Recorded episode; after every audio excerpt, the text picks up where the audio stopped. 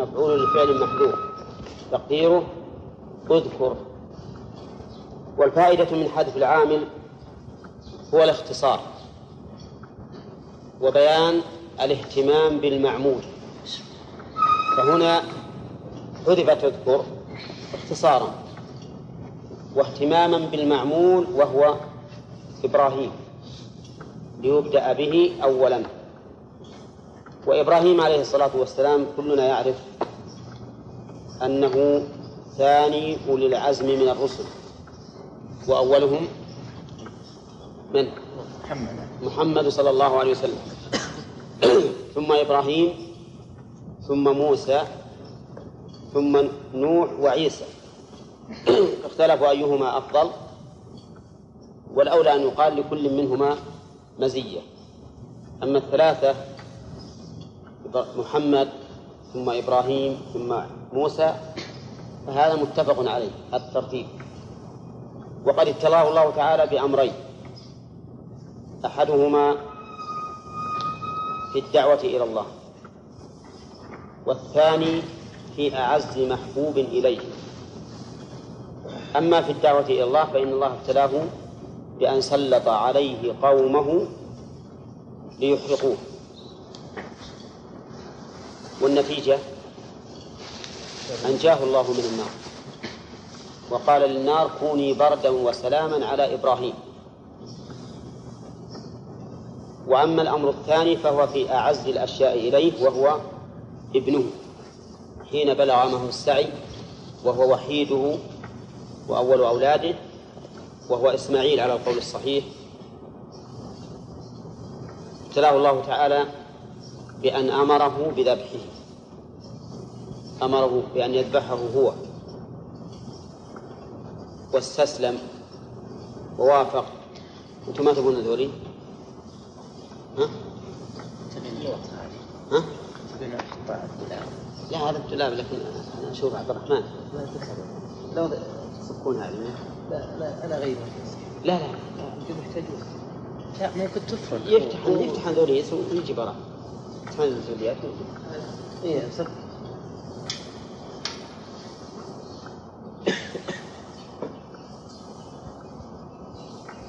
فاستسلم لهذا الأمر والقصة معروفة وأنجاه الله سبحانه وتعالى منه حين قال له وناديناه أي يا إبراهيم قد صدقت الرؤيا إنا كذلك نجزي المحسنين إن هذا لهو البلاء المبين إلى آخره. وسمي خليلا اتخذه الله خليلا بسبب هذا الأمر حيث قدم على محبة الله تعالى أحب شيء إليه. وقد نبهنا من قبل على أن بعض الناس الجهال في الواقع. يصفون النبي صلى الله عليه وسلم بأنه حبيب الله وأن إبراهيم خليل الله وهذا خطأ. فإن محمدا صلى الله عليه وسلم خليل الله أيضا كما ثبت ذلك عنه. والذي يقول إن محمدا حبيب وإبراهيم خليل قد تنقص النبي صلى الله عليه وسلم لأن درجة المحبة أدنى من درجة الخلة. إذ قال لقومه إذ هذه ظرف وهي في موضع نصب على الحال أي حال كونه قائلا لقومه وقوله لقومه من القوم؟ القوم هم الجماعة الذين ينتسب إليهم الإنسان بنسب أو هدف. كل من ينتسب إليه الإنسان بنسب فهم قوم أو بهدف بأن يكون دعواهم واحدة وطريقهم واحدة يسمى أيضا قوما.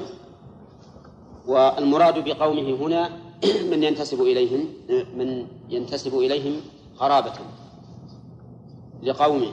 اعبدوا الله واتقوه. قال المؤلف خافوا عقابه. اعبدوا الله أصل العبادة مأخوذة من الذل. ومنه قولهم طريق معبد أي مذلل لأن العبد يذل لمعبوده. فالعبادة إذن التذلل لله عز وجل بفعل أوامره واجتناب نواهيه. وقد حدها شيخ الإسلام ابن تيمية بأنها اسم جامع لكل ما يحبه الله ويرضاه من الأقوال والأعمال الظاهرة والباطنة. وهذا حد لها في الواقع باعتبار ميدان العبادة.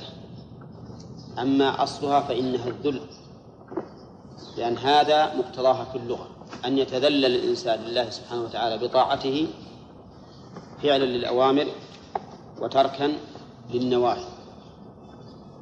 واعلم أن العبادة تنقسم إلى قسمين.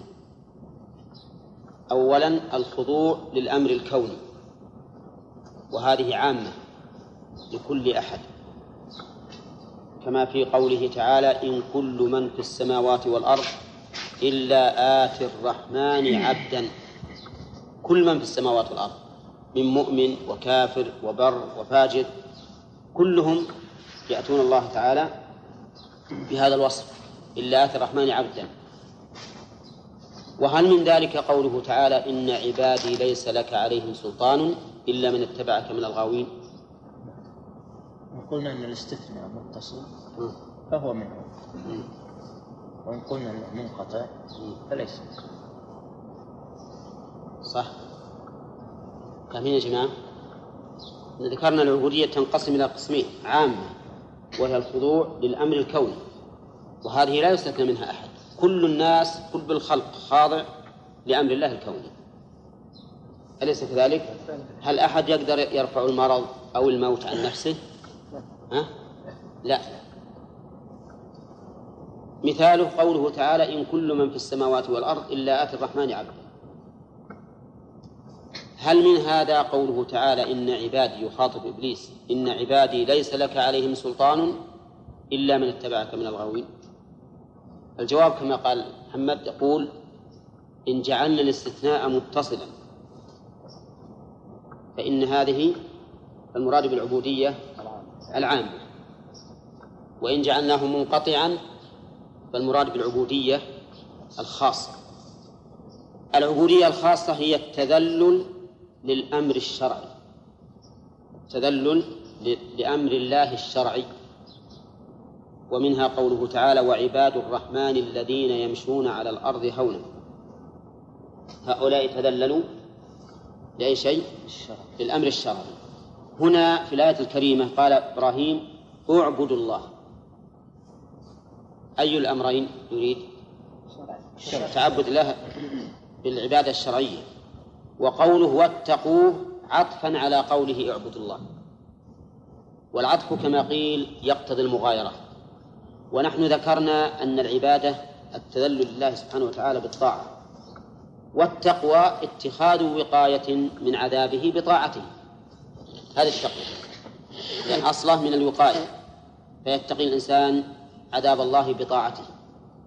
على هذين التفسيرين يكون عطف التقوى على العبادة من باب عطف الشيء على نفسه والمعروف أن بلاغة القرآن تأبى ذلك يعني تأبى أن يعطف الشيء على نفسه لأن ذلك من باب التكرار. نعم؟ فما هو الفرق؟ الذي يكون به العطف مقتضيا للمغايرة. تفهمين معي هذه؟ نعم. يعني إذا قلنا التقوى اتخاذ وقاية من من عذاب الله بطاعته. والعبادة التذلل لله تعالى بطاعته. صار معناهما؟ واحدا. والعطف يقتضي المغايرة. فكيف يمكن أن نفسر العبادة بمعنى يغاير معنى التقوى؟ نقول هذا الجواب على هذا من أحد وجهين.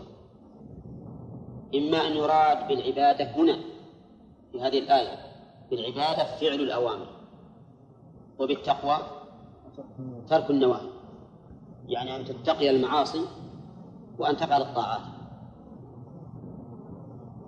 وهذا الوجه أعني أنه إذا كانت الكلمتان كل واحدة منهما تشمل معنى الأخرى عند الانفراد وتغايرها عند الاجتماع.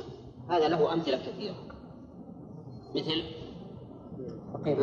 الفقير والمسكين. هما شيء واحد عند الانفراد. ويختلفان عند الاجتماع. البر والتقوى. هما شيء واحد عند الانفراد وشيئان عند الاجتماع. هنا نقول العبادة والتقوى هما شيء واحد عند الانفراد وعند الاجتماع. تفسر العبادة. ليش؟ بفعل الأوامر والتقوى باجتناب النواهي. هذه واحدة. أو نقول الوجه الثاني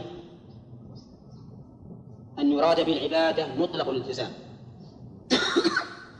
مطلق الالتزام والتذلل. والتقوى المراد بها اتقاء العمل المعين. اتقاء العمل المعين. لأنه ليس كل من قام بمطلق العبادة يقوم بالتقوى. كثير من المسلمين الآن يعبدون الله. لكن هل يتقونه في كل شيء؟ لا. يفعلون أشياء كثيرة. هذا الصوم عندنا الآن نصوم.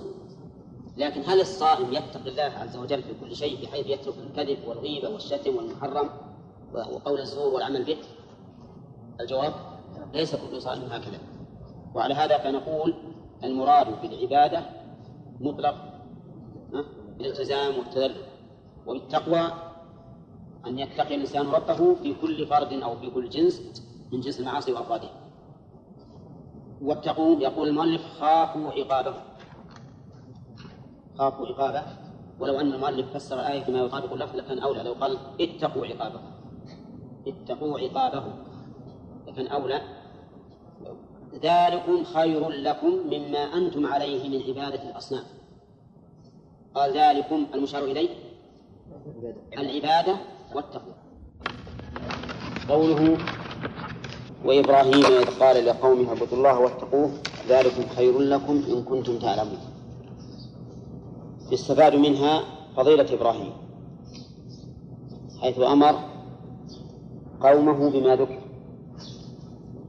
ويستفاد منها أيضا أنه ينبغي ذكر الدعاة إلى الله سبحانه وتعالى بما يرفع من شأنهم لأن قدرنا إبراهيم مفعولا لفعل محذوف تقديره؟ اذكر إبراهيم. ومن فوائد الآية وجوب عبادة الله وتقواه. من قوله اعبدوا الله واتقوه لأن الأصل في الأمر الوجوب عليه السلام ومن فوائد الآية أن خير ما يحصل على عليه العبد عبادة الله وتقواه. لقوله ذلكم خير لكم. ومن فوائدها أيضا من فوائد الآية أنه لا يعقل هذه الأشياء إلا أهل العلم تؤخذ منين يا غانم؟ من أين تؤخذ؟ أنه ما يعقل الخيرية في العبادة والتقوى إلا أهل العلم من كل الآية؟ لا إن كنتم تعلمون من قوله إن كنتم تعلمون. نعم. ثم قال سبحانه وتعالى إنما تعبدون من دون الله أوثانا وتخلقون إفكا. إن الذين تعبدون من دون الله لا يملكون لكم رزقا. فابتغوا عند الله الرزق واعبدوه واشكروا له إليه ترجعون. من فوائد هذه الآية أن كل ما يعبد من دون الله فإنه وثن لا ينفع ولا يأتي بالرزق. ومن فوائدها أن تسمية هذه الأوثان بالآلهة كذب كقوله وتخلقون إفكا. ومن فوائدها أنه ينبغي لمن ذكر حكما أن يذكر علته.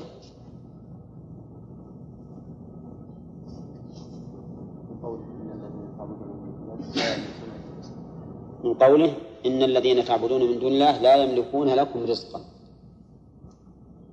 ومنها من فوائدها أنه ينبغي الاستدلال بالمحسوس على المعقول.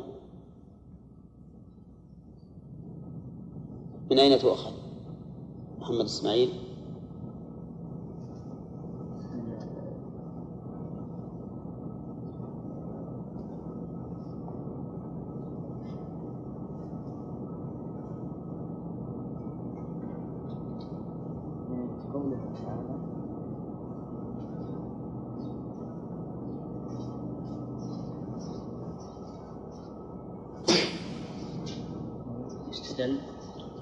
بالمحسوس على المعقول.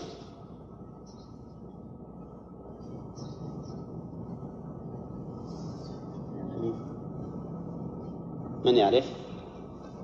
لا يملكون لكم رزقا. نعم. إن الذين تعبدون من دون الله لا يملكون لكم رزقا. هذا دليل محسوس. ووجه الاستدلال بالمحسوس على المعقول أن المحسوس ما ينكر أحد. لكن المعقول قد لا يتصوره الإنسان فضلا عن كونه يقر به. فإلزام الإنسان بالشيء المحسوس على المعقول هذه من طرق المناظرة والحجة وإقامة الحجة والإلزام ومن فوائد الآية أن الذي يجب أن يلجأ إليه هو الله عز وجل منين يا حجاج؟ من أين تؤخذ؟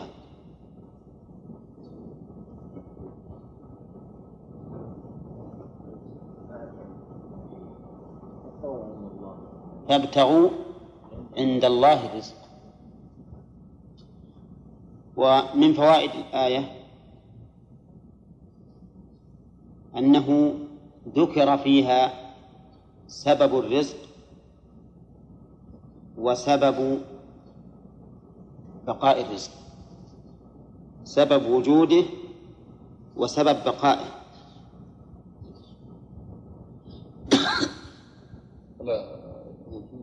طلبه من الله سبحانه وتعالى فابتغوا. أما سبب بقاء فعبادة الله سبحانه وتعالى وشكره طيب. أو نقول اعبدوا الله هذا سبب الرزق. واشكروا له هذا سبب البقاء. ومنها وجوب شكر النعمة. من فوائد الآية وجوب شكر النعمة النعمة بقوله واشكروا له طيب هنا الفعل متعدي ولا لازم؟ قل يا عصام اشكروا له الفعل متعدي ولا لازم؟ ها؟ متعدي ها؟ هنا في الآية الكريمة في الآية هنا لازم ولا متعدي؟ متعدي أين المفعول؟ وممكن يكون مقدر على حسب وضع اللام هنا هل هي زائدة أو غير زائدة؟ يعني لو قلنا إن هي زائدة يبقى هنا هنا متعدد مفعول تقديره الهاء اشكروه وإن لم وإن لم تكن زائدة طيب من اللي يعرف الجواب؟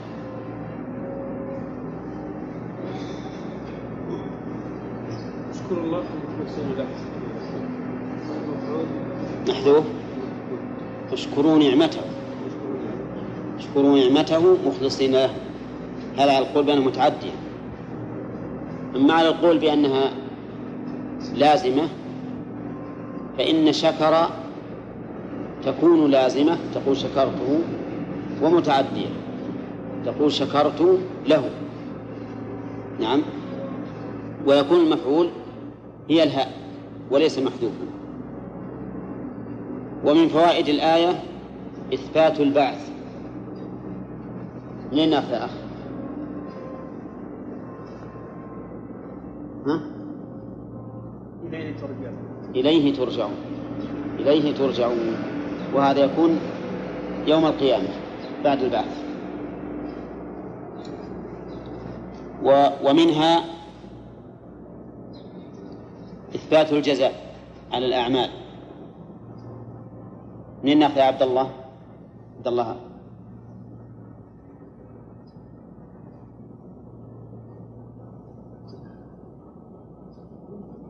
ها؟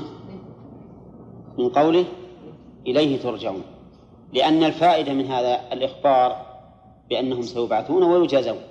ليس مجرد بعث بدون جزاء بل لا بد فيهم من جزاء.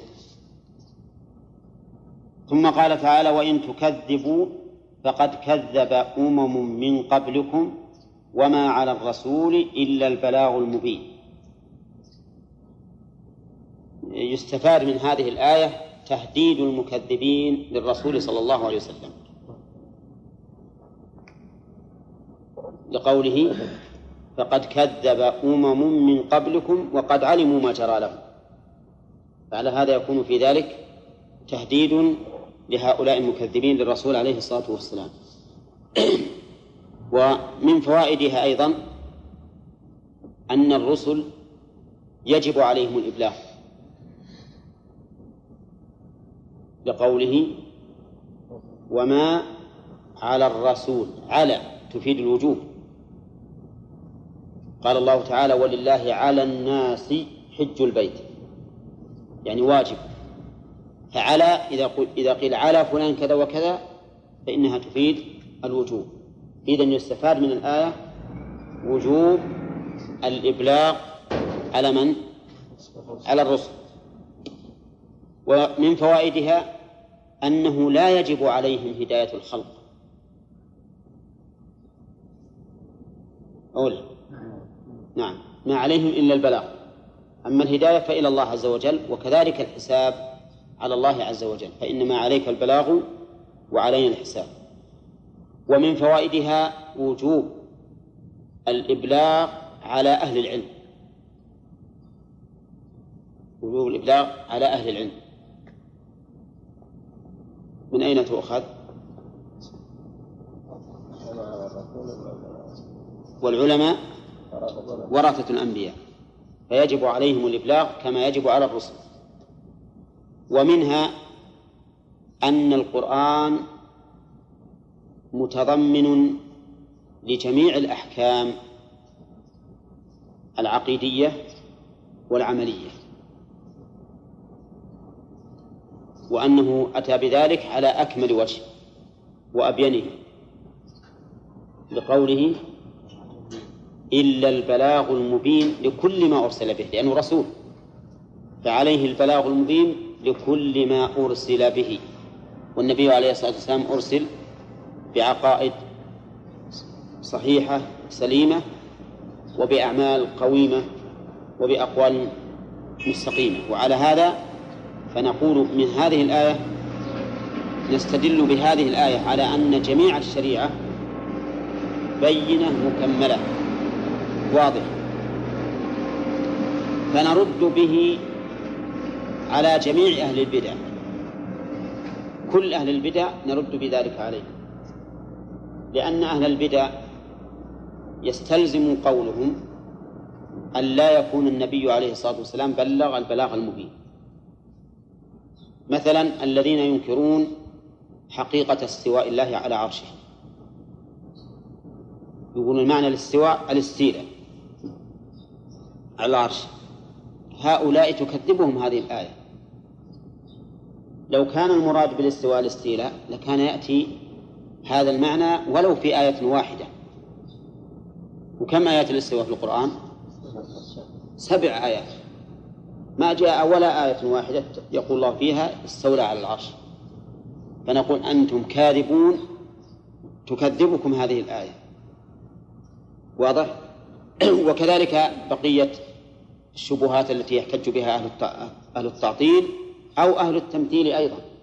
حتى أهل التمثيل الذين يقولون نعم إن الله استوى على عرشه حقيقة لكن استواءه كاستواء المخلوق على المخلوق كاستواء الملك على عرش الملك وما أشبه ذلك. نقول هذا هؤلاء أيضا يكذبهم قوله تعالى وما على الرسول إلا البلاغ المبين لأن الرسول بلغ البلاغ المبين وقد أتانا من بيانه قوله تعالى ليس كمثله شيء. ليس كمثله شيء. ويستفاد من هذه الآية. نعم فيه. لو قال قائل يوجد وقائع الآن تقع. ما نرى لها ذكرا في القرآن ولا في السنة. فما هو الجواب على هذه الآية؟ أولى أليس يوجد وقائع وقعت؟ وتقع. ليس لها ليس لها ذكر في الكتاب ولا في السنة. إما أن يوجد لها نظائر وإما أن لا تكون لها يعني المباحات التي لا تضر نعم نقول هي مبل... هي مبينة. مبينة ببيان الجنس. يعني مو بلازم أن القرآن يأتي بكل فرد أو السنة تأتي بكل فرد لأن أفراد القضايا ما له حصر. ما ظنكم لو أن الله سبحانه وتعالى ذكر في القرآن كل قضية تأتي إلى يوم القيامة؟ كم يكون القرآن من مجلد؟ ها؟ مجلدات ما له حصر. لكننا نقول هذه الأفراد أفراد هذه المسائل موجودة بأجناسها وعللها وقواعدها. كما قال الأخ عمر يعني إما أن تكون بالقياس وإما أنها مسكوت عنها والسكوت في مقام البيان بيان. كما قال النبي عليه الصلاة والسلام ما سكت عنه فهو عفو. المهم أننا نقول ما من قضية تقع إلا وحكمها موجود في القرآن أو السنة. باعتبارها فردا ولا باعتبارها جنسا؟ باعتبارها جنسا. فجنس هذه القضية موجود في القرآن إما بقاعدة عامة أو بقياس صحيح أو ما أشبه ذلك. لكن الخلل والنقص يأتي من أمور من واحد من أمور. إما قلة في العلم. يكون الإنسان ما عنده علم. والخلل هنا منين؟ من الإنسان. إنسان ما أحاط بالسنة مثلا. القرآن يحيط به الإنسان لكن السنة ما يمكن يحيط بها الإنسان. يوجد أحاديث تأتي على الإنسان ما كانت تدور في ذهنه. وإما لقصور في الفهم. يكون إنسان عنده علم لكن فهمه قاصر. ولا يكون به نوم أيضا مثل بعض الناس اللي ينامون بالدرس يكون عنده قصور في الفهم. نعم. ولاحظوا أن اختلاف الناس في الفهم أكثر وأعظم من اختلافهم في العلم. يوجد بعض الناس يستنبط من دليل واحد عدة مسائل وآخر ما يستنبط إلا مسألة أو مسألتين. ثالثا من أسباب عدم الوصول أو عدم معرفة الحق من القرآن والسنة أن يكون عند الإنسان سوء فهم. قصد سوء قصد. أن يكون عند الإنسان سوء قصد بحيث لا يريد الحق والعياذ بالله. ما يريد إلا أن ينتصر قوله. فإن هذا والعياذ بالله يحال بينه وبين الوصول إلى الصواب والمعرفة الحق. لأنه لا يريد. هذه أسباب ثلاثة. السبب الرابع المعاصي فإن المعاصي ظل وظلمة توجب أن يحال بين الإنسان وبين الوصول إلى الحق من كتاب الله وسنة رسوله صلى الله عليه وسلم. بل إن المعاصي توجب نسيان نسيان الموجود. نعم كما تمنع وجود المفقود. قال الله تعالى فبما نقضهم ميثاقهم لعناهم وجعلنا قلوبهم قاسية. يحرفون الكلم عن مواضعه. نعم. ونسوا حظا مما ذكروا به. فدل هذا إذن هذه أسباب أربعة. كلها تحول بين الإنسان وبين الوصول إلى معرفة حكم الله الذي في الكتاب وفي السنة. أما نفس الكتاب والسنة فإنها لا شك أنها محيطة بجميع القضايا. إلى يوم القيامة. لأن هذا الكتاب إلى يوم القيامة. وأما قول من قال من أهل العلم وهو من أعجب ما يكون إن الكتاب والسنة ليس فيها إلا القليل من القضايا إلا حكم القليل من القضايا حتى أن بعضهم يزعم أنه ما ما ما في القرآن والسنة إلا نحو عشر القضايا. هذا خطأ عظيم. ولهذا قال الله تعالى في القرآن وأنزلنا عليك كتابا تبيانا لكل شيء. من فوائد الآية أن الرسل أفصح الخلق. من أين تؤخذ؟ من قوله إلا البلاغ المبين. المبين. سواء قلنا إن المبين بمعنى بين أو بمعنى مظهر. الصواب أنها بمعنى مظهر. الصواب أنها بمعنى مظهر. أظن انتهى. نعم. إلى هذا. ثم قال الله تعالى أولم يروا بالياء والتاء ينظروا بالياء والتاء يعني يروا. والثانية تروا. فهما قراءتان سبعيتان. الرؤية هنا فسرها المؤلف بمعنى النظر فهي رؤية عين.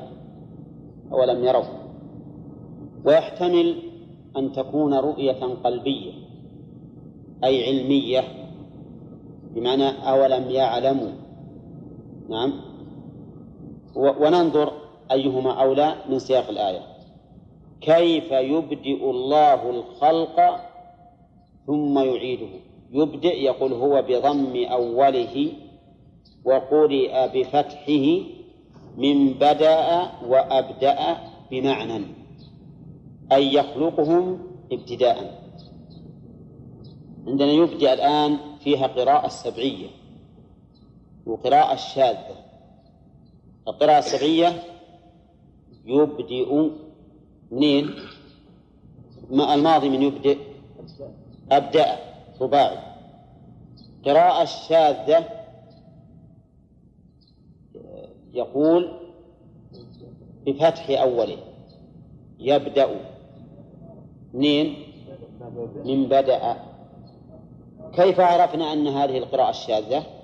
لأن اصطلاح المؤلف رحمه الله أنه إذا قال قرئ فهي شاذة. إذا قال قرئ فهي شاذة. طيب المؤلف يقول من بدأ وأبدأ. من بدأ وأبدأ. هذا الترتيب هذا اللف والنشر مرتب أو مشوش؟ ها؟ مشوش؟ يعني له شوشة. ها؟ أو مشوش يعني غير مرتب. شوف الآن من بدأ هذه على أي قراءتين؟ الشاذ هذه يبدأ. وأبدأ على القراءة السبعية التي هي يبدئ. والحقيقة أن المؤلف ليته ما فعل هذا لأنه قد لا يفهم الإنسان أن هذا من باب الترتيب من باب اللف والنشر المشوش. ولا داعي إليه. لو قال المؤلف من أبدأ وبدأ لكن أوضح للإنسان الطالب. وقوله بمعنى إيش معناه؟ يعني بمعنى واحد. يعني بدأ وأبدأ معناهما واحد. أي يخلقهم ابتداء. يعني كيف يخلقهم سبحانه وتعالى ابتداء.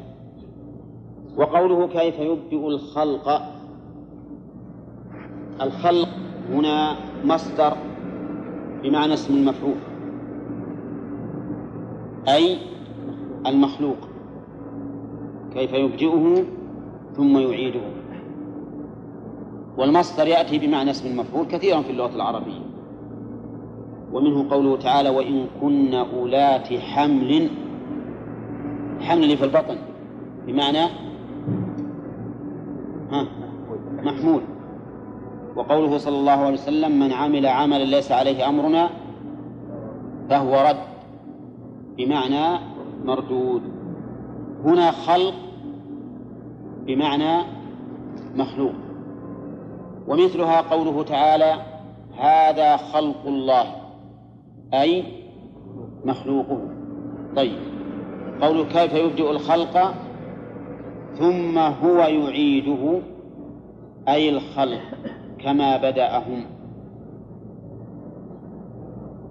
شوف المؤلف يقول أي الخلق كما بدأهم إشارة إلى أن الخلق هنا بمعنى المخلوق اللي يعم كل الناس.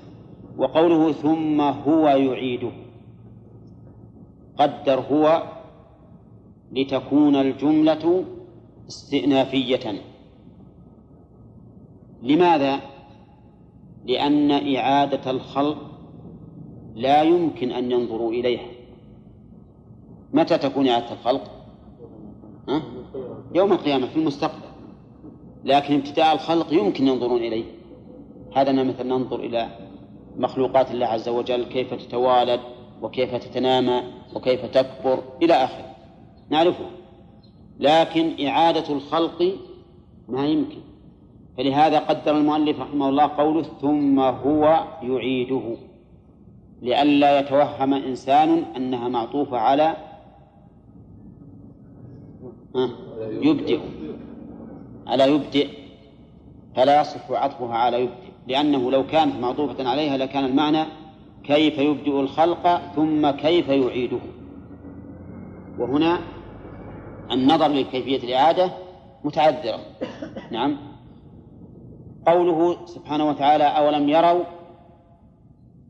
أنا ذكرت لكم أنها يحتمل أن تكون علمية. والمؤلف مشى على أنها عينية. عينية بالبصر أيهما أشمل؟ العلمية. تشمل أيهن أشمل؟ الظاهر أن القلبية أشمل لأنها تشمل ما رآه الإنسان بعينه وما علم به من غيره. أليس كذلك؟ فهي إذن أشمل.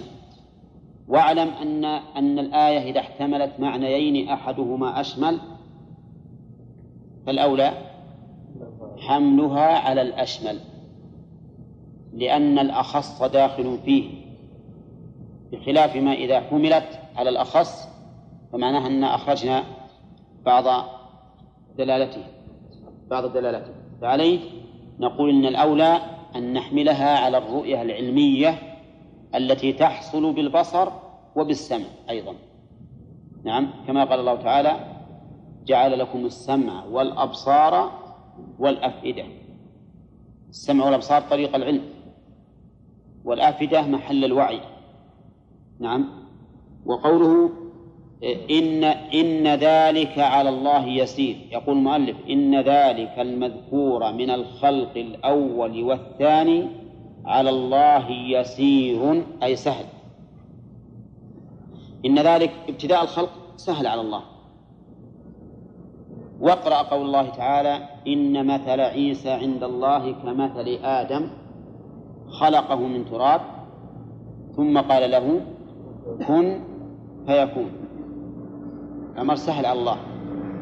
إعادة الخلق أيضا سهلة. سهلة لقوله فإنما هي زجرة واحدة.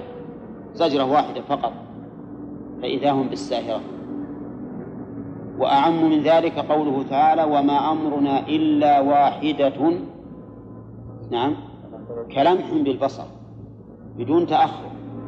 واحدة يأمر الله الشيء فيكون مثل لمح البصر. وهذا دين على كمال قدرته جل وعلا. نعم. وقوله إن ذلك على الله يسير في آية ثانية وهو الذي يبدأ الخلق ثم يعيده وهو أهون عليه. فإننا نقول لهؤلاء المنكرين للبعث هل تقرون بأن الله خلقكم ابتداء؟ ماذا يقولون؟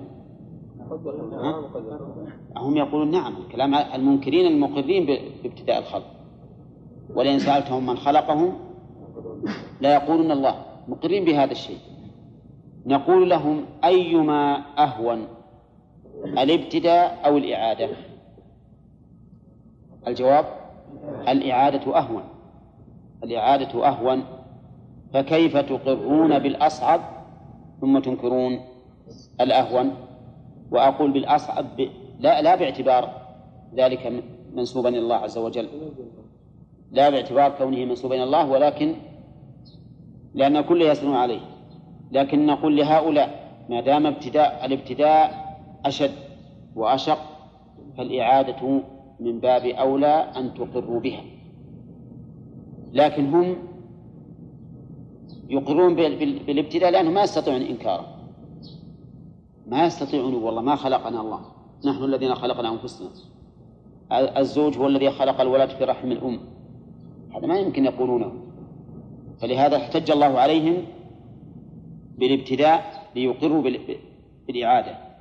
وقول إن ذلك على الله يسير فكيف ينكرون الثاني؟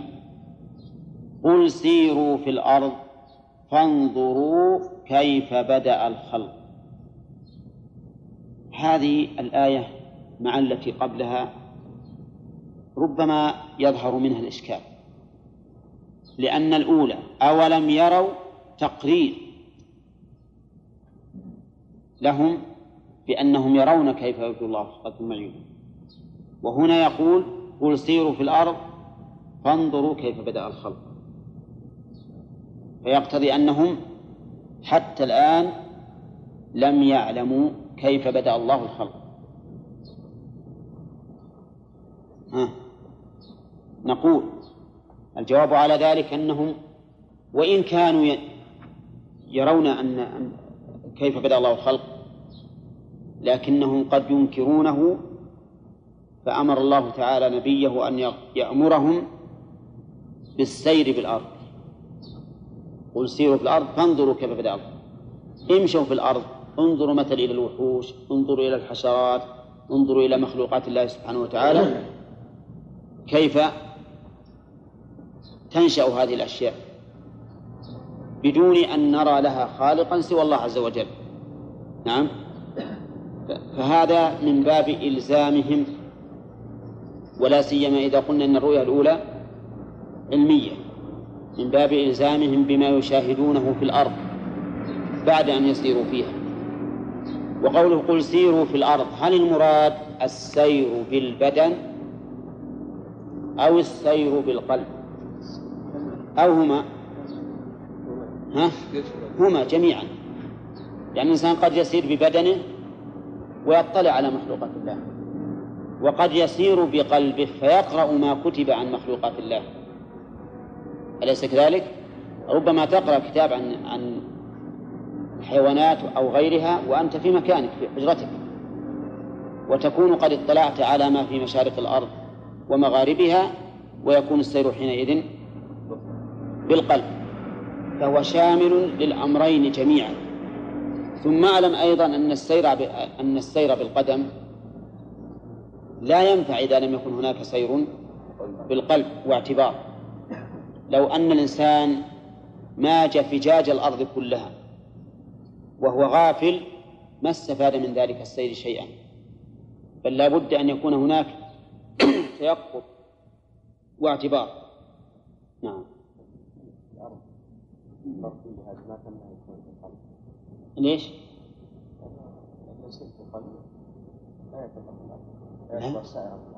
لا. يعتبر سائرا في الأرض بعلمه اللي هو محل وهو القلب. يصح هذا وهذا. لأن الآن لو نظرنا إلى السير في الأرض إلى واقعه أيما أكثر بالقلب أو بالبدن أو بالقدم؟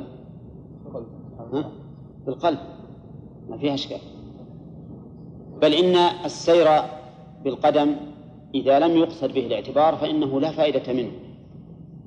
إذا لم يقصد به الاعتبار. فإذا قصد به الاعتبار عاد إلى كونه سيرا بالقلب.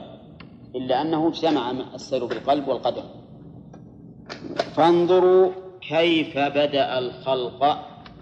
عندنا انظروا كيف وبالأول أولم يروا كيف. ومعلوم أن انظروا ويروا.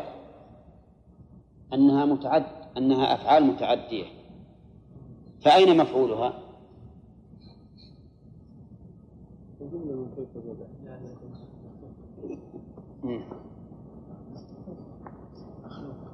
أين أبناء سيبويه؟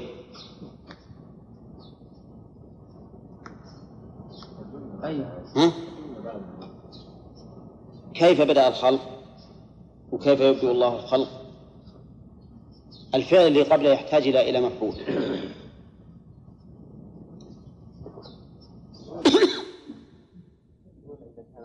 يا أخوان معلق بالاستفهام إذا جاء إذا جاء الاستفهام فهو يعلق الفعل معلق بالاستفهام. نعم. مثلا أولم يروا كيف يبدئ الله الخلق ثم يعيد وسيروا في الأرض فانظروا كيف بدأ الخلق. كلمة كيف هنا في موضع نصب على الحال. في موضع نصب على الحال وهي معلقة الفعل عن العمل. وقد مر علينا هذا في ألفية ابن مالك في أي باب من أبواب النحو؟ في باب ظن. في باب ظن وأخواته والتزم التعليق قبل نفي ما. نفي ما وإن إلى آخره. نعم. نعم فانظروا كيف بدأ الخلق. قل سيروا في الأرض فانظروا كيف بدأ الخلق لمن كان قبلكم. وأما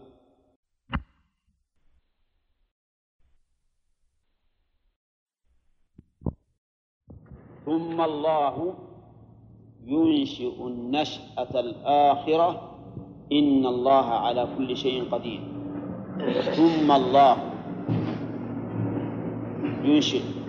الأول أتى بالصيغة الفعلية وهنا أتى بالجملة الاسمية ليفيد تقرر هذا الأمر وتأكده. وقوله ثم الله الله هنا علم على الباري جل وعلا. وأصلها إله الإله. وحذفت الهمزة تخفيفا لكثرة الاستعمال. كما هو كما حذفت من الناس. والإله معناه المعبود بحق أو بغير حق. أولا الإله معناه المعبود سواء بحق أو بغير حق. وعلى هذا فيكون الله هنا هو المعبود بحق بدليل قوله لا إله إلا الله. يعني لا معبود حق إلا الله سبحانه وتعالى. واضح يا جماعة؟ فعلى هذا نقول الله علم على الباري جل وعلا. وأصله الإله بمعنى المألوه أي المعبود. أي المعبود. والأصل أن الإله بمعنى المعبود بحق أو باطل ولكنها إذا قلت لا إله إلا الله فالمعنى لا إله حق يعني لا إله هو حق إلا الله عز وجل. ينشئ النشأة الآخرة يقول مدا وقصرا مع سكون الشين. مدا. كيف أنطق بها؟ ها؟ لا. النشاء. ثم الله ينشئ النشاءة الآخرة. وقصرا مع سكون الشين النشأة. النشأة.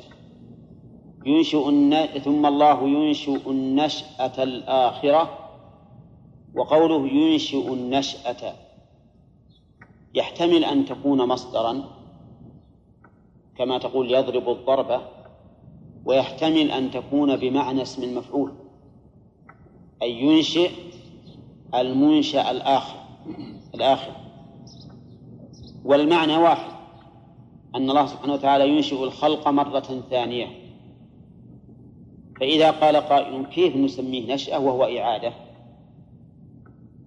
قلنا الجواب على ذلك أن هذه الإعادة تختلف عن سابقتها اختلافا كثيرا.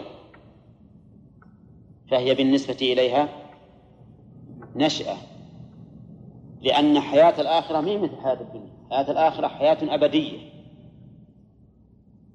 وحياة الدنيا حياة فناء. ولذلك تجدها ناقصة. يخلق الإنسان من ضعف إلى قوة إلى ضعف. أما الإعادة فإنه يخلق للأبد. نعم. فلذلك سميت نشأة وإن كانت هي إعادة لاختلاف الحالين. انظروا إلى الجنين في بطن أمه. قال الله تعالى فيه بعد أن ذكر أطواره ثم أنشأناه خلقا آخر. أنشأناه خلقا آخر. وهل هو إنشاء ولا تطوير؟ تطوير لكنه لما كان التطوير الأخير اللي فيه نفخ الروح يختلف عن الأول. في الأول هو في بطن أمه جمال. ثم تنفخ فيه الروح فيكون نشأة جديدة غير الأولى. فسمي نشأة وإن كان تطويرا من من حال إلى حال. ثم الله إن الله على كل شيء قدير ومنه البدء والإعادة. هذه الجملة تعليل لما سبق. من كونه ابتدأ الخلق ثم أعاده. لأن الله على كل شيء قدير. والقدرة هي وصف يتمكن به الفاعل من الفعل بدون عجز بدون عجز. وهل هي القوة أو غيرها؟ غير القوة. القوة يقابلها الضعف. وهذه يقابلها العجز. تمام؟ ويظهر ذلك بالمثال. مثلا أنا حملت هذا الكتاب لكن بمشقة. حملت هذا الكتاب لكن بمشقة. ماذا أوصف به؟ ها؟ قادر. ولكن لست قويا. وآخر أراد أن يحمل هذا الكتاب عجز عنه هذا؟ هذا عاجز. والثالث أخذه كأنه ريشة في يده. هذا؟ قادر قوي. فتبين بهذا أن القدرة غير القوة. كذلك أيضا القدرة يوصف بها ذو الشعور. ولا يوصف بها غيره. فهل أنت تقول للحديد إنه قادر؟ ها؟ لا. القوة يوصف بها ذو الشعور وغيره. فتقول للحديد قوي وتقول للإنسان قوي. نعم. والله سبحانه وتعالى موصوف بالقدرة وموصوف بالقوة. إن الله هو الرزاق ذو القوة المتين. طيب على كل شيء قدير عام مخصوص ولا لا؟ ها؟ هذا على عموم ما يخصص بشيء. وقال صاحب الجلالين وهو السيوطي قال وخص العقل ذاته فليس عليها بقادر خص العقل ذاته يعني ذات الله فليس عليها بقادر قال هذا في سورة المائدة. لله ملك السماوات والأرض وما فيهن وهو على كل شيء قدير. قال إن العقل يخصص هذا العموم. ونحن نقول لا يخصص هذا العموم من العقول إلا العقل الفاسد الذي يرى امتناع قيام الأفعال الاختيارية بالله عز وجل. أما العقل الصحيح السليم فهو يرى أن الله يفعل ما شاء. ينزل ويستوي على العرش نعم ويستوي إلى السماء ويضحك ويعجب وغير ذلك من أفعاله الاختيارية التي تليق بجلاله سبحانه وتعالى. فقوله خص العقل ذاته فليس عليها بقادر هذا خطأ عظيم. إذا كان ما يقدر على نفسه كيف يقدر على غيره؟ نعم هذا من أكبر المحال ومن أكبر الغلط. لكن لو قال قائل لعل المؤلف يريد أنه لا يقدر على إفناء نفسه مثلا أو على خلق مماثل له. قلنا هذا ما تتعلق به القدرة أصلا. القدرة لا تتعلق أصلا بالشيء المستحيل. إطلاقا. فهو غير داخل في العموم من الأصل فليس بمخرج منه. هنا عبارة يقولها بعض الناس يقول إنه على ما يشاء قدير. ما رأيكم بهذا التعبير؟ هذا التعبير خطأ. لأن الله تعالى يقول على كل شيء قدير. كل شيء. فهو قادر على ما يشاء وما لا يشاء. حتى الذي لا يشاءه قادر عليه فلو شاءه لفعله. نعم؟ ما هو بس على اللي يشاء فقط. ثم إن هذه العبارة على ما يشاء قدير مخالفة لما جاء في القرآن. القرآن وهو على كل شيء قدير وكان الله على كل شيء قديرا. ثم إن بعض أهل العلم يقول إن هذه العبارة توحي بمذهب المعتزلة. الذين يقولون بأن الإنسان مستقل بعمله. فقالوا إنه إذا كان الإنسان مستقلا بعمله لا, لا دخل لمشيئة الله فيه فمعناه أن الله عاجز عن عمل الإنسان. وهذا خطير كما هو معروف. فالذي ينبغي أن نقول إنه على كل شيء قدير على الإطلاق. فإذا قال قائل ألا ينتقض علينا هذا بقوله تعالى وهو على جمعهم إذا يشاء قدير. قلنا المشيئة هنا عائدة إلى إيش؟ على الجمع ولا على القدرة؟ على الجمع لا على القدرة. المعنى أنه إذا شاء أن يجمعهم جمعهم بدون عجز سبحانه وتعالى. فلا تنافي ما قلنا. يقولون إن الشيطان جمع جنوده أو هم اجتمعوا إليه. فقالوا له إنك تفرح بموت العالم ولا تفرح بموت العابد قال نعم. العابد إذا مات ما, ما يموت عن نفسه لكن العالم إذا مات يموت عن عالم وإذا بقي يفسد علينا الأمور. ترى المراد بالعلماء الحقيقيين الذين يعملون ويدعون. قال يلا بروح أنا وياكم. العالم أذهب أنا وأنتم إلى عالم نسأله. وإلى عابد.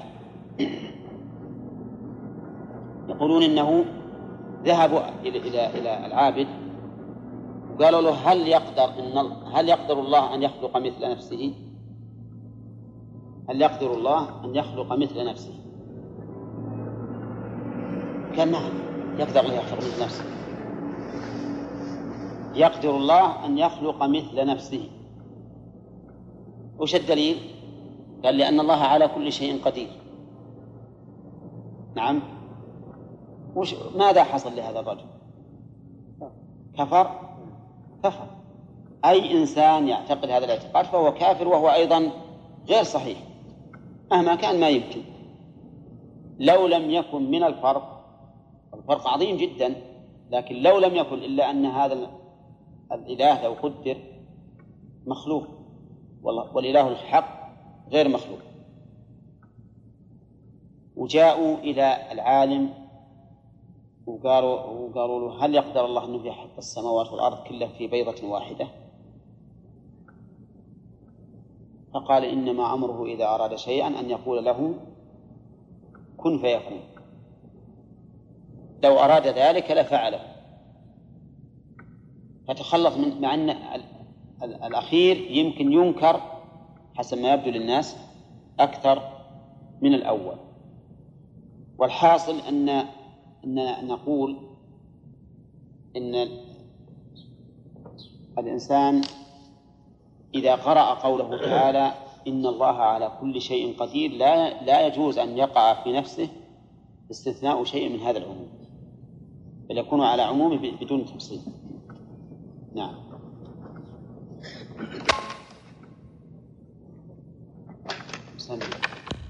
الاستدلال بالمبدأ على المعاد. كيف بدأ الخلق ثم الله ينشئ النشأة الآخرة. ومن فوائدها أنه ينبغي للمستدل أن يستدل بال بالمشاهد على الغائب ليقتنع بذلك الخصم. ومن فوائد ال- الآية إثبات البعث. لقوله ثم الله ينشئ النشأة الآخرة. ومنها إثبات قدرة الله عز وجل. لقوله إن الله على كل شيء قدير. ومنها عموم هذه القدرة. من أين يؤخذ العموم؟ على كل شيء. على كل شيء قدير. ومنها إثبات الأفعال الاختيارية لله عز وجل. فإنها من تمام قدرته. مثل إيش؟ كالمجيء والنزول والاستواء على العرش وال- والضحك والعجب وما أشبه ذلك. ومنها أيضا وهذه ما إحنا نبهنا عليها وليست داخلة في مضمون الآية وهو خطأ من قال خص العقل ذاته فليس عليها بقادر. وهذا بينا أنه ليس بصحيح. واضح؟ وقلنا أن أن هذا في من ينكرون قيام الأفعال الاختيارية في الله عز وجل. يقولون ما يقدر سبحانه وتعالى يفعل وهذا لا شك أنه يرد عليهم الكتاب والسنة وإجماع السلف.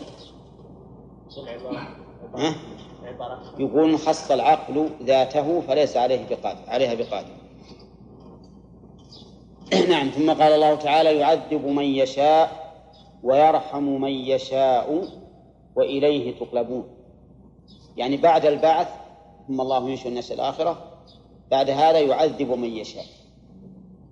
ويجوز أن يكون يعذب حتى في الدنيا لأن العذاب يكون في الدنيا ويكون في الآخرة. فالعقوبات التي رتبت على الجرائم هذه من العذاب. لقول النبي صلى الله عليه وسلم في المتلاعنين عذاب الدنيا أهون من عذاب الآخرة. وكذلك ما يصيب الإنسان من المصائب في بدنه وأهله وماله وأيضا من العذاب. وما أصابكم من من مصيبة فبما كسبت أيديكم. وقوله يعذب جاءت بالفعل المضارع. الدال على أن هذا أمر من أفعاله مستمر. ليس أمرا مضى وانقطع كما أنه أيضا يكون في الحاضر يكون أيضا في المستقبل. ما هو العذاب؟ خلينا نستمر يا عبد العزيز. العذاب هو العقوبة.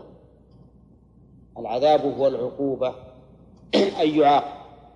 وقوله من يشاء مر علينا كثيرا بأن الله سبحانه وتعالى إذا أضاف الفعل إلى المشيئة فإنه مقرون بالحكمة لأن الله سبحانه وتعالى لا يفعل شيئا لمجرد المشيئة بل كل ما فعله فهو بمشيئته المقرونة بحكمته. وهذا أمر واضح. فإن من يعذب لا. لا بد أن يكون قد أتى ما يستوجب الت- التعذيب. وحينئذ تكون الحكمة في تعذيبه. وليس الله تعالى يعذب من شاء بدون ذنب أبدا. لأن حكمته تأبى ذلك ورحمته تأبى ذلك. خلافا لمن قال وجاز للمولى يعذب الورى من غير ما ذنب ولا جرم جرى. ثم علل ذلك بقوله فكل ما منه تعالى يجمل لأنه عن فعله لا يسأل. هذا ليس بصحيح. هو وإن جاز عقلا لكنه ممتنع ممتنع شرعا. لأن الله يقول في الحديث القدسي يا عبادي إني حرمت الظلم على نفسي وجعلته بينكم محرما. وقال تعالى في القرآن ومن يعمل من الصالحات وهو مؤمن فلا يخاف ظلما ولا هضما. المهم أن قوله يعذب من يشاء قلت إنه مقرون بإيش؟ بالحكمة. إذن فلا يعذب إلا من يستحق التعذيب. لا يعذب إلا من يستحق التعذيب. وفي هذا نعم فوائد بعدين. ويرحم من يشاء يرحم الرحمة صفة من صفات الله عز وجل وهي تقتضي الإنعام والإحسان و نعم الإنعام والإحسان سواء كان الإحسان بإيجاد محبوب أو بدفع مكروه. فإن رحمة الله عز وجل تكون للإنسان إما بجلب ما ينفعه وإما بدفع ما يضره. وقوله يرحم من يشاء هو فعل مضارع مشتق من الرحمة. والرحمة صفة من صفات الله عز وجل ثابتة على وجه الحقيقة. من آثارها إيش؟ الإنعام. الإنعام والإحسان أو إرادة الإنعام والإحسان. وليست هي الإنعام والإحسان أو الإرادة. خلافا لمن قال بذلك. من ممن قال بذلك؟ الأشاعرة. ومن وراءهم من معطلة المحضة. أشد وأشد. فهم يقولون إن الرحمة معناها إرادة الإنعام وبعضهم يقول أو الإنعام. نعم والصواب خلاف ذلك لأن الإرادة ناشئة عن الرحمة. يرحم فيريد أن يحسن أو ينعم. وهذا الذي عليه مذهب أهل السنة والجماعة أن الرحمة صفة ثابتة لله على وجه الحقيقة. وقالوا الذين احتجوا بمنعها أن تكون حقيقية؟ قالوا لأن الرحمة خبر وضعف في الراحم. تجد نفسه تنكسر حتى ترحم. جوابنا على هذا بسيط. أن نقول من وجهين. أحدهما أن نمنع أن يكون ذلك من باب الخور والضعف. فإننا نجد الملوك الجبابرة قد يرحمون. وهم ليس فيهم خبر ولا ضعف. وثانيا لو فرض أن هذا المعنى لازم للرحمة في الإنسان فليس بلازم؟ بالنسبة لله. كغيره من الصفات التي تثبت حقيقة للمخلوق وتثبت للخالق أيضا أيضا. فإن اللوازم والعوارض التي تكون لصفة المخلوق لا يمكن أن تكون لصفة الخالق. لما بينهما من الفرق العظيم في الذات والصفات. فكما أن الله سبحانه وتعالى لا شبيه له ولا مثيل له في ذاته فكذلك لا شبيه له ولا مثيل له في صفاته. طيب. وإليه تقلبون. قال المؤلف رحمه الله يعذب من يشاء تعذيبه ويرحم من يشاء رحمته. سيد عندكم. وإليه تقلبون تردون. إليه لا إلى غيره.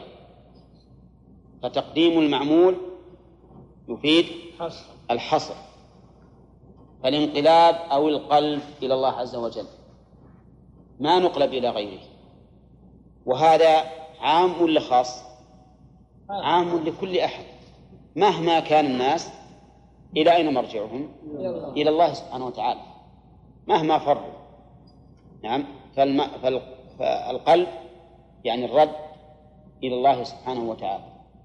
وإذا كان مردنا إلى الله صار هو الحكم بيننا والذي يحكم بين عباده فيما كانوا فيه يختلفون ويحكم بين عباده فيما بينه وبينهم يعني حكم الله في العباد يشمل الحكم فيما بينه وبينهم والحكم فيما يختلفون فيه. فالمؤمنون مع الكفار نعم مختلفون فيحكم الله بينهم يوم القيامة. وكذلك المعتدون مع المعتدى عليهم مختلفون فيحكم الله بينهم يوم القيامة.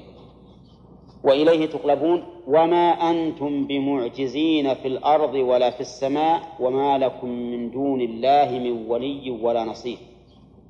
وما أنتم الخطاب إما أن يكون للكافرين. وإما أن يكون لعموم الناس. فكونه لعموم الناس أولى. يعني وما أنتم أيها الناس. وكونه للمكذبين المعاندين أبلغ لأنهم يظنون أنهم أعجزوا الله. وقول وما أنتم بمعجزين أظننا نعرف أن ما هنا حجازي حجازية. ولا نجدية؟ حجازي حجازية. نعم. لأن القرآن بلغة العرب الحج... بلغة الحجاز بل بلغة قريش. اسمها أنتم الضمير. وخبرها بمعجزين. والباء هنا زائدة للتوكيد.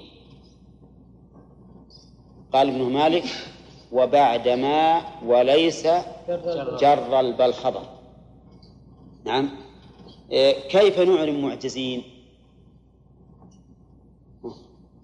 هذا زائد للتوكيد. نعم. معجزين اسم آه، خبر آه، ما نعم.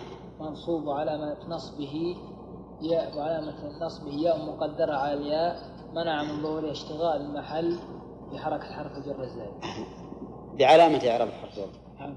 من حركة هذه؟ نعم بعلامة نعم. حرف الجر الزائد. إي نعم. هذا بالحقيقة من من التكلف المعروف حسب القواعد. يعني لابد نعرف على هذا الإعراب حسب القواعد المعروفة في النحو. فالياء الموجودة الآن بمعجزين. وش اللي جلبها؟ الباء. جلبتها الباء وليس الخبر مع أنها في الحقيقة هي نفسها علامة النصب. هي نفسها علامة النصب. قوله تعالى وما أنتم بمعجزين. هذه من أعجز فهو متعدي لأن عجز لازم. وأعجز متعدي. إذا كانت متعدية وهي اسم فاعل فتحتاج إلى مفعول. أين المفعول؟ قال المؤلف بمعجزين ربكم عن إدراككم. فيكون المفعول محذوفا. تقديره بمعجزين ربكم. أو بمعجزين الله مثلا ما في مانع. نعم. والمعجز هو. هو من فعل ما يعجز به غيره ولهذا قال بعض أهل العلم عن آيات الرسل إنها معجزات لأنها تعجز أعداء الرسل عن معارضتها واضح يا جماعة؟ طيب وقوله في الأرض ولا في السماء هذا الجار المجرور حال من معجزين يعني حال كونكم في الأرض أو في السماء. ما تعجزون الله سواء كنتم في الأرض أو في السماء. ولهذا قال المؤلف لو كنتم فيها. فيكون قوله ولا في السماء على سبيل التقدير وليس على سبيل ها؟ وليس على سبيل الحقيقة. وليس على سبيل الحقيقة. لأن الناس في الأرض وليسوا في السماء. وقيل إن هذا على سبيل ماذا قلت في الأول؟ في, في الأرض واضح أنهم في الأرض. ولا في السماء لو كنتم فيها. نعم لو كنتم على تقدير أنكم فيها ما تعجزون الله. وقيل إن المعنى على سبيل المبالغة. يعني لا تعجزون الله سواء كنتم في أعماق الأرض أو في أجواء السماء. فإنكم لا تعجزون الله. تبارك يكون المعنى لا تعجزونه في أي مكان كنتم. وقيل إن قوله ولا في السماء يعني به أهل السماء. يعني أن الله لا يعجزه شيء في السماوات ولا في الأرض. فأهل السماء لا يعجزونه وأهل الأرض لا يعجزونه. فيكون على هذا الوجه وما أنتم بمعجزين في الأرض ولا من في السماء معجز الله نعم. على حد قول الشاعر حسان بن ثابت أمن يهجو رسول الله منكم ويمدحه وينصره سواء. أمن يهجو رسول الله منكم ويمدحه وينصره سواء. أظننا نعرف جميعا أن الأول غير الثاني لأن اللي يهجوه ما يمكن يمدح يمدحه وينصره فيكون على تقدير ومن يمدحه. وينصره سواء. فهذه مثلها. على كل حال المعنى أنكم لا. ولا يظهر لي أنا أنه على معنى أنكم لا تعجزون الله في أي مكان كنتم. سواء ها؟ أي سواء كنتم في السماء أو في الأرض. وهذا وقت نزول القرآن لا يمكن أن تكون أن يكون السماء حقيقة. إلا أن يراد بالسماء ما علا ولو على قمم الجبال. في وقتنا الآن يمكن أن يكون الإنسان في السماء أي في العلو. هي السماء الدنيا؟ السماء الدنيا ما حد يصل إليها. وجعلنا السماء سقفا محفوظا. وهم عن آياتها معرضون حتى النبي عليه الصلاة والسلام وجبريل ما استطاع أن يدخل هذه السماء إلا بعد الاستفتاح والاستئذان. نعم. وما لكم قال المؤلف في تفسيرها الإجمالي أي لا تفوتونه. أي لا تفوتون الله. بل إذا شاء إذا شاء أن يعذبكم أدرككم. إن الله تعالى لا يفوته شيء. وما كان الله ليعجزه من شيء في السماوات ولا في الأرض. إنه كان عليما قديرا. واعلم أن عقوبة الله عز وجل وإدراكه للإنسان تارة يكون بأمور حسية يقدر الله أسبابا معلومة لنا نشاهدها وتارة يكون بأمور ما ندركها نحن يأتيه. تأتيه العقوبة من الله بدون أي سبب معلوم لنا فهمتم؟ الآن مثلا أسباب نصر الرسول عليه الصلاة والسلام أحيانا تكون بأسباب غير معلومة وأحيانا تكون بأسباب معلومة. فمثلا نصر الله تعالى للرسول عليه الصلاة والسلام في غزوة الخندق. أسبابها معلومة مشاهدة. أرسل الله عليهم ريحا وجنودا لا نراها. الجنود التي لا نراها هي من الأمور التي غير معلومة إلا. إلا بالإخبار بالشر. لكن الريح التي أقلقتهم وأكفأت قدورهم وهدمت خيامهم. محسوسة هذه محسوسة معلومة. محسوسة معلومة. لكن الجنود التي لا لم نراها لولا إخبار الله إيانا عنا لولا إخبار الله إيانا عنها ما كنا أعلم نعلمها فالله عز وجل يدرك الإنسان إما بأسباب معلومة تظهر للعيان وإما بأسباب خفية لا تظهر للعيان ثم قد نعلمها بطريق الوحي وقد لا نعلمها وما لكم من دون الله أي غيره من ولي يمنعكم منه ولا نصير ينصركم من عذابه. ما لكم من دون الله من ولي. ما أدري عن ماء هنا.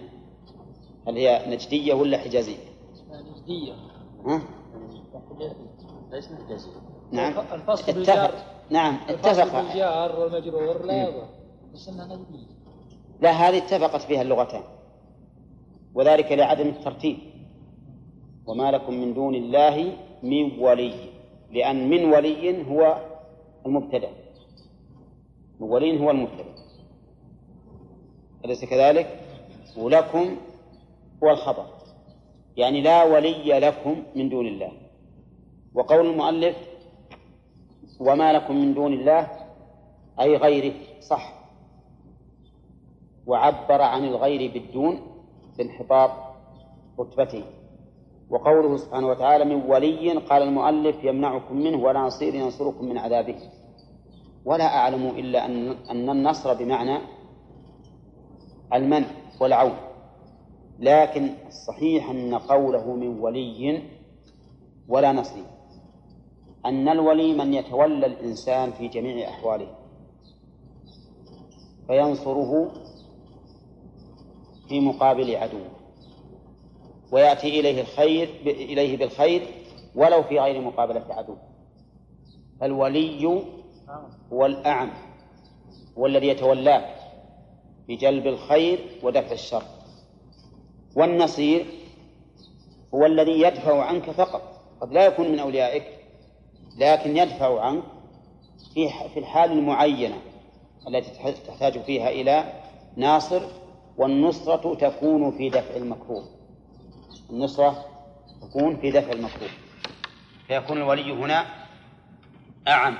يعني ما أحد يكون يتولاكم فيجلب لكم الخير ويدفع عنكم الشر ولا أحد أيضا ينصركم من دون الله فيمنع عنكم العقاب. وهذا أمر واقع. فإن بأس الله إذا نزل بقوم ما يستطيع أحد أن يدفع عنهم هذا البأس ولا أن يمنعهم منه. قال تعالى والذين كفروا بآيات الله ولقائه أي القرآن والبعث أولئك يئسوا من رحمته الذين مبتدأ أين خبره؟ الجملة الاسمية في قوله أولئك يئسوا.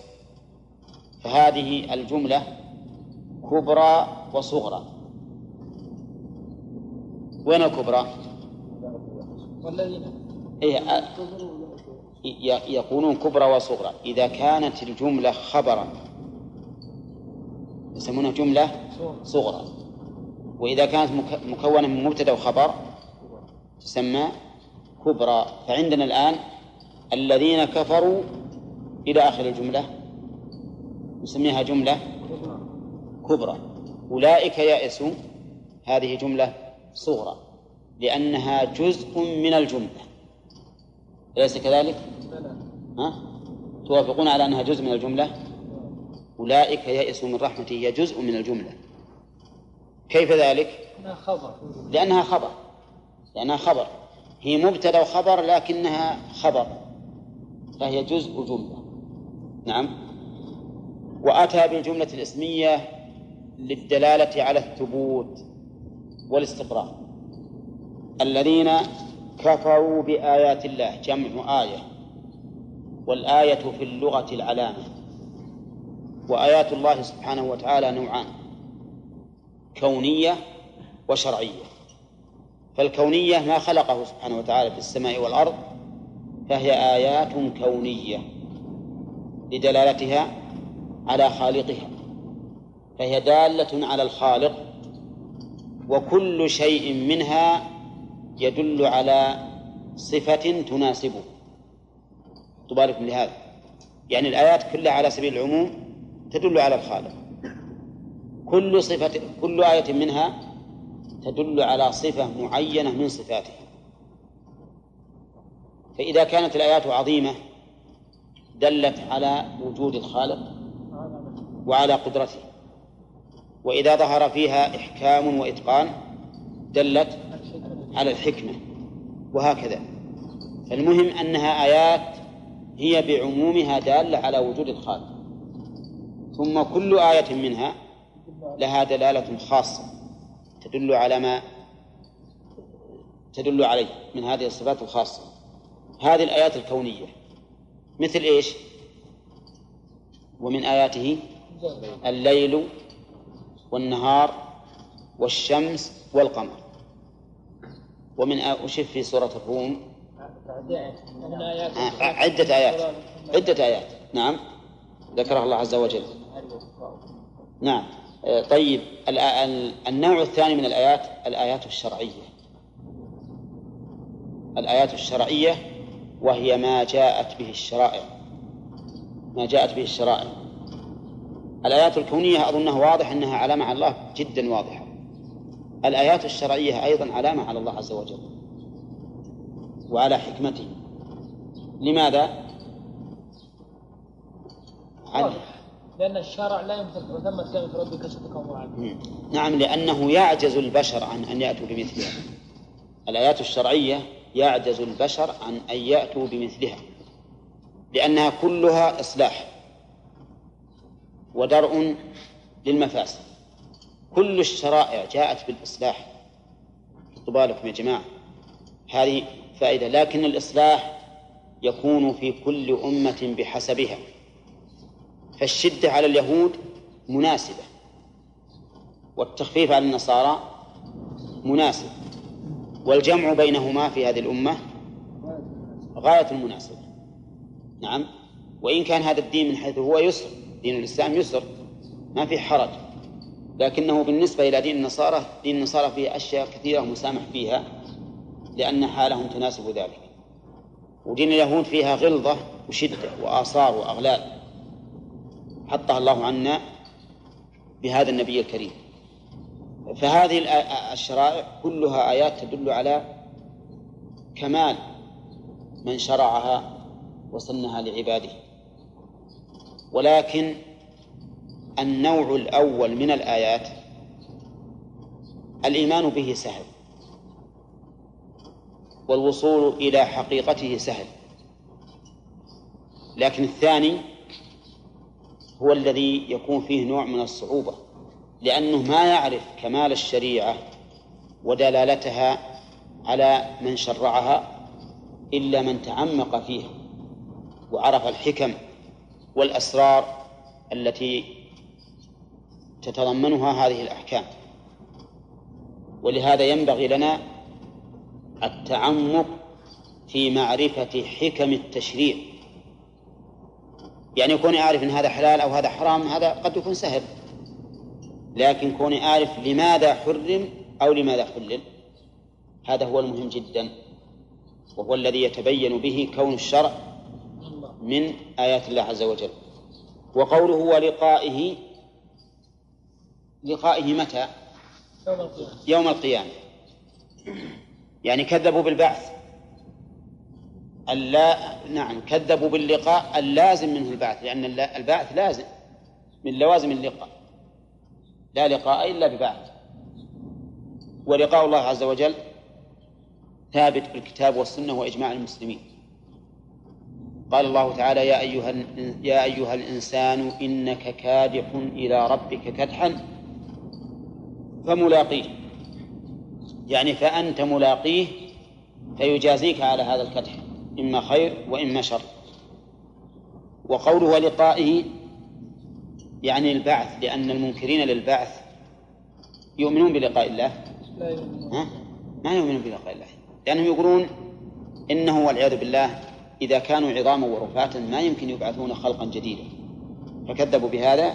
يقول تعالى أولئك يئسوا من رحمتي هذا جزاء جزاء هذا التكذيب اليأس من رحمة الله. قال المؤلف أي جنتي. يئسوا من رحمتي أي جنتي. فحولها إلى الرحمة المخلوقة.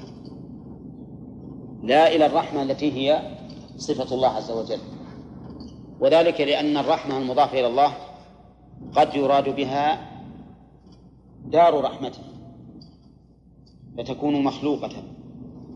كما في الحديث القدسي أن الله قال للجنة أنت رحمتي أرحم بك من أشاء. أنت رحمتي. وتطلق على الرحمة التي هي وصف الله عز وجل. وحينئذ تكون صفة من صفات الله. غير مخلوق. ومنه قوله تعالى ورحمتي وسعت كل شيء وقوله ربنا وسعت كل شيء رحمة. وعلما فما المراد بالرحمة في هذه الآية؟ هل المراد بها النوع الأول؟ الرحمة المخلوقة التي هي موضع الرحمة أو الرحمة التي هي صفته؟ العذر. الظاهر نعم الظاهر إيه، طيب. الظاهر أن المراد بها الرحمة التي هي صفته. لأنه إذا أطلقت بالكم لهذا إذا أطلقت فالمراد بها الصفة.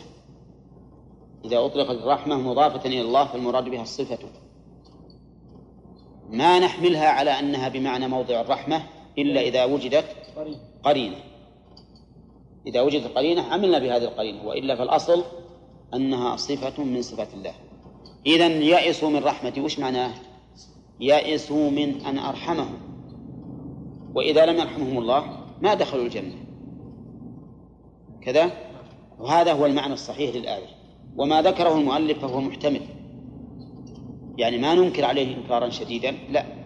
لأن الرحمة كما تطلق على الصفة تطلق على موطن الرحمة. وأولئك لهم عذاب أليم. هذه أيضا سبحان الله العظيم. جملتان كبرى وصورة. وأولئك مبتدأ ولهم عذاب مبتدأ وخبر والجملة خبر. كل هذا لكمال التهديد لهم. فهم حرموا من الخير ووقعوا في الشر. ولهذا قال لهم عذاب أليم مؤلم. وعذاب إيش معناه؟ العذاب تقدم لنا قليل قريبا. العقوبة. يعني لهم عقوبة أليمة أي شديدة مؤلمة والعياذ بالله. وذلك في النار. ولا حاجة إلى شرح ما في هذا هذه النار من العذاب لأنه معلوم. قال الله تعالى في قصة إبراهيم فما كان جواب قومه. لأن الجملة على رأي المؤلف معترضة منين؟ من قوله وإن تكذبوا فقد كذب أمم من قبلكم وإن تكذبوا فقد كذب أمم من قبلكم إلى هذا جملة معترضة أفهمتم؟ هذا ما ذهب إليه المؤلف وابن جرير وأكثر المفسرين وقال بعض المفسرين إنها إن الكلام كله من كلام إبراهيم وليس فيه شيء معترض. واختار هذا ابن كثير.